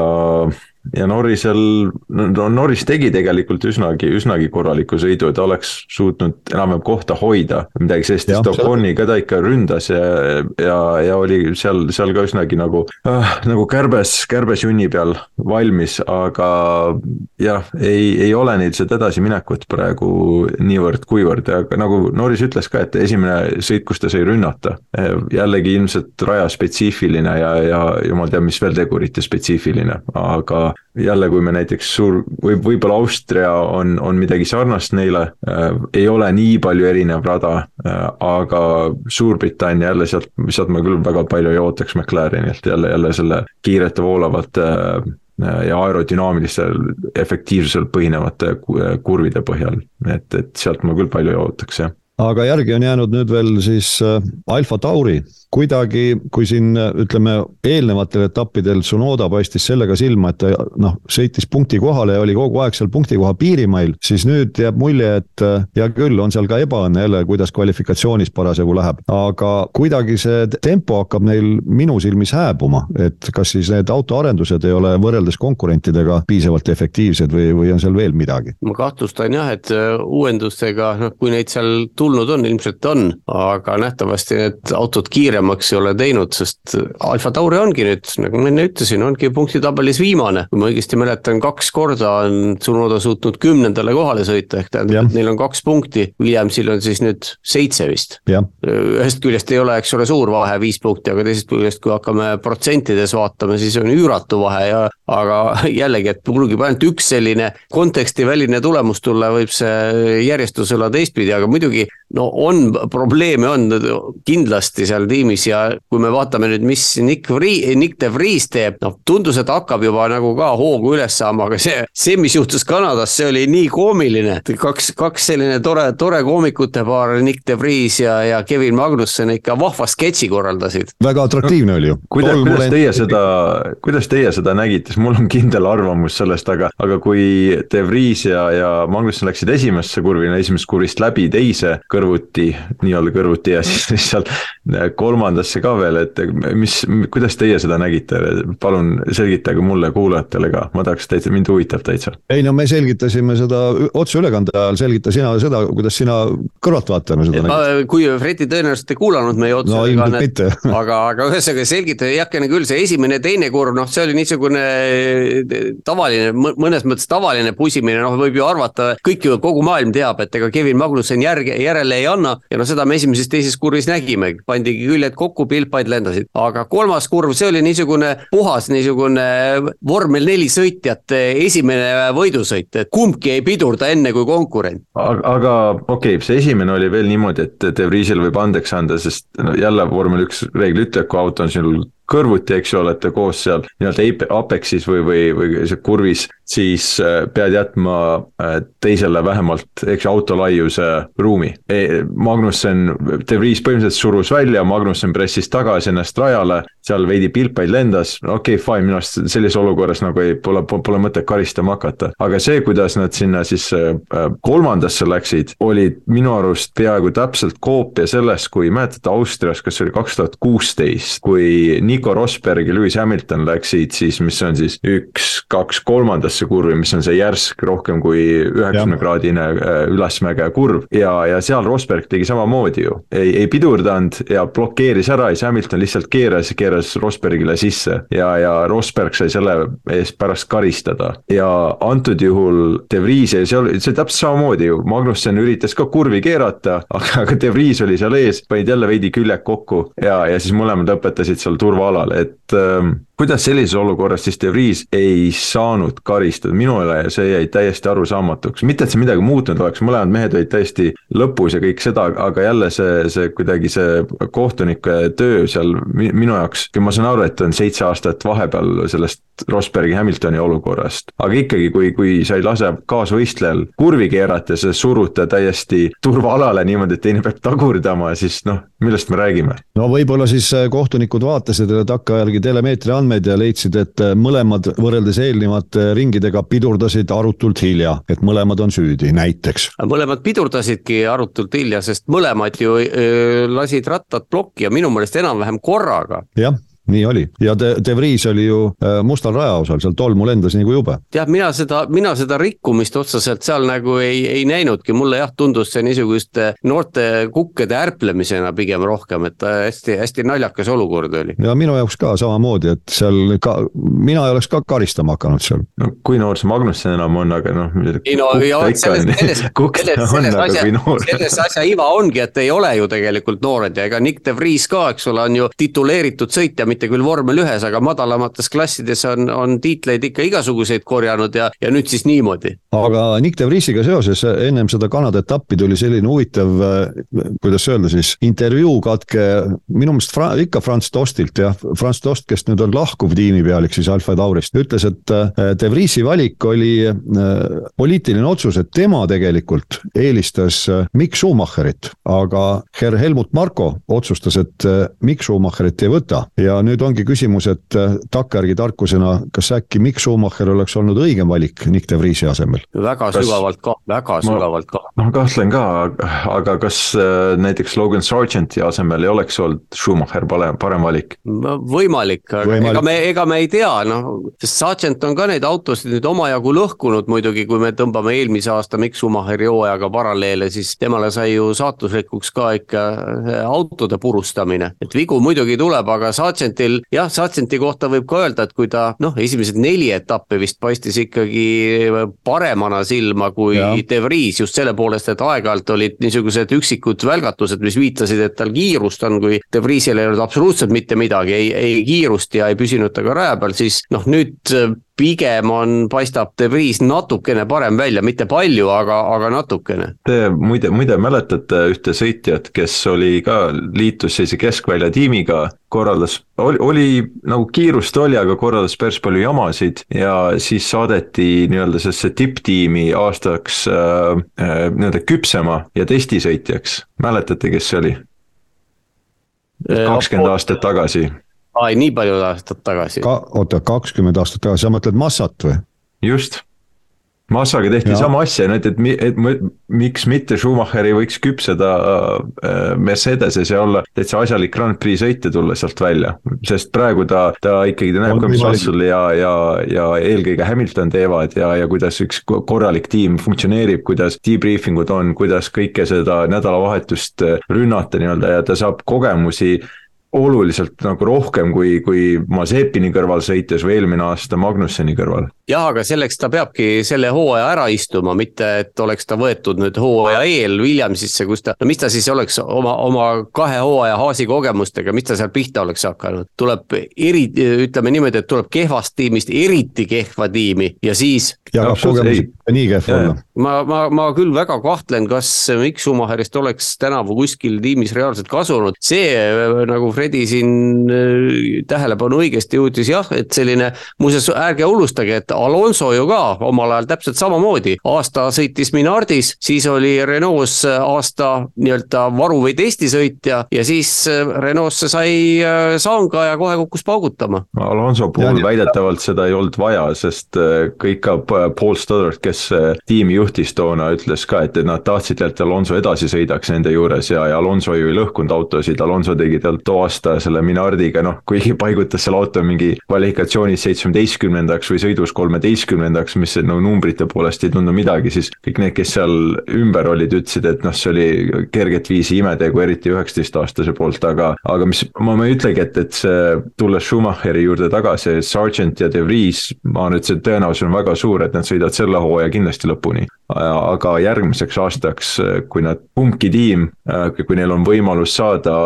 ütleme, Mercedese kogemusega Schumacher endale, siis see võib olla selge äh, ülendus, eriti noh, ma ei tea, minu arust De Vries on, on praegusel juhul nagu veidi hullemas olukorras kui Sargent no see, siin ma olen sinuga nõus, aga Sargenti puhul on nüüd see teema, et äh, kuna äh, Williamsi äh, omanike ringis on noh, erineval moel siis läbi juriidiliste kehade seal hulk ameeriklasi, ma saan aru, ja kolm Ameerika etappi on ja Ameerika sõitja on Ameerikas väga tähtis, siis Sargent ütleme, selle taustainfo põhjal väga vabalt võib jätkata järgmisel aastal. nojaa, aga mis see point on? oled ameeriklane, on kellele no, käed pöialt hoida. oled, saad kõigilt peksa nagu koer, kui, kui, kui juhtud, kui juhtud rajal püsima jah, aga vaata, nagu sina tavatsed mõnikord, Toomas, öelda, et ei noh, sa küll ka tsiteerid klassikuid, et ei või iial teada mesilinnukesi. nojah, ei võib-olla muidugi, aga, aga fakt on see, et, et Sargent peab ennast kokku võtma ja, ja noh, kui me mõtleme, et ega Williams ei ole ka kuskilt poole silbigagi andnud mõista, et, et Sargenti koht võiks, võiks kuidagi ohus olla, noh, eks seal sisemiselt muidugi, seal on ilmselt teised, teised jutud natukene, aga, aga välja ei ole küll kuskilt paistnud, et eh, tiim ikkagi toetab täielikult ja noh, Sargenti me võime küll vaadata, et Sargent ja, ja De Vries on mõlemad debütandid formaalselt, siis noh, praktiliselt on nad ikkagi väga erineva kogemusega sõitjad. Satset on ikka oluliselt, oluliselt madalamal astmel oma karjääri arengujärgus kui De Vries. jah, ma, ma lihtsalt lugesin ühte intervjuud James Fowlesiga, kes on siis äh, Williamsi tiimipealik ja ta kasutas Sargenti kohta fraasi äh, the real deal ja, ja ma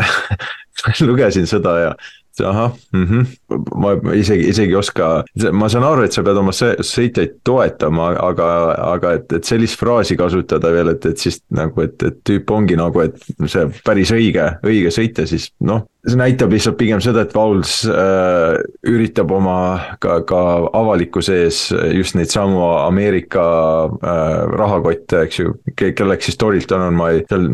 väga vähe on üldse teada ikkagi sellest äh, investeerimisfirmast, aga lihtsalt, et üritab neid ameeriklasi seal õnnelikena hoida. no aga kui Muud me mõtleme nüüd mõtleme natukene tagasi Sargenti vormel kaks ja vormel kolm karjäärile, siis noh, vormel kolmes kolm aastat tagasi, kes olid kaks meest, kes viimased, tegelikult kolmest mehest kaks, kes viimasel etapil omavahel tiitli pärast puselesid. üks oli Logan Sargent ja teine oli Oscar Piastri, nii et äh, Piastriga vormel kolmes oli ta igatahes samal tasemel, noh vormel kahes esimene hooaeg oli tal väga kehvas tiimis, eelmisel hooajal oli kohati oli ikka väga kiire, noh seal jäi ka palju tegelikult auto taha, nii et mina ei tahaks teda jah, veel äh, ka maha kanda, noh, kas ta nüüd real deal on, nagu Bowles ütles, see on iseküsimus, aga vaatame. nagu sa enne ütlesid, et tegelikult hooaeg on ju alles kolmandiku peal. no nii, kas äh, on teil soovi midagi Kanada etapist veel rääkida või tõmbame sellele etapile joone alla, teeme seda ja nüüd siis jaani nädalavahetus on vormel ühe vaba, aga lugupeetud kuulajad, pange vaim valmis nüüd, kuidas keegi soovib, soovib seda nimetada, kas tuleb äh, vormel üks äh, maraton või vastupidi, siis vormel üks spurt ennem suvevaheaega, nimelt äh, juulikuus on viis nädalavahetust ja neli vormel üks etappi ja pärast seda nelja etappi on kuu aega pausi. vormel üks läheb suvevaheajale, nii et järgmine etapp kahe nädala pärast Austrias, mis on lühike, väheste kurvidega, aga selle eest voolav rada, kus tegelikult alati alati on midagi põnevat toimunud ja seal siis peaksid need äh, aerodünaamilised lahendused nüüd, mida kõik äh, võistkonnad on süle ja seljaga oma autodele külge krutinud, hakkama ka mingisugust tulemust näitama. Nad näitavadki, nad näitavadki, kõik näitavad kogu aeg tulemusi, lihtsalt see, kui meile tundub või, või jah, tegelikult mitte tundub, vaid ongi, et on Mercedes, eks ole, tegi seal mingisuguseid edu, edusamme ja nüüd viimati Aston Martin tegi mingisuguseid edusamme, siis noh, teevadki, aga millegipärast on ikka see Max Verstappeni Red Red Bull on ikka kuskil horisondil terendamas, no ei tule lähemale nagu, nagu kujuteldav joon, eks ole. absoluutselt, ma, ma ei jõua ära oodata, et näha, kes teiseks ja kolmandaks tuleb. no igatahes ei ole kaua oodata, jaanipäev vahel ja siis kohe Austria etapp, nii et äh, suur tänu teile meid kuulamast ja kohtumiseni siis kahe nädala pärast. Kuulmiseni. kõike paremat ja kuulmiseni